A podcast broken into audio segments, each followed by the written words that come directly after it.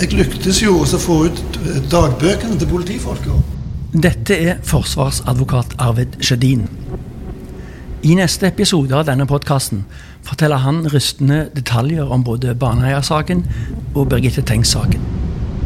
I dag, fredag 4. november, ble fetteren til Birgitte Tengs endelig frikjent etter en 24 år lang kamp for å bli kvitt dommen som fastslo at det var han som sto bak drapet på Birgitte.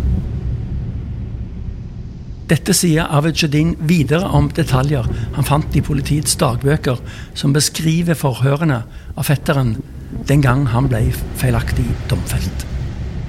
Der står det at eh, de forteller han Vi vet du har gjort det. Vi kan bevise det, men du husker det ikke selv. Hør detaljene om to av norgeshistoriens mest omtalte drapssaker i episoden som vi slipper på søndag.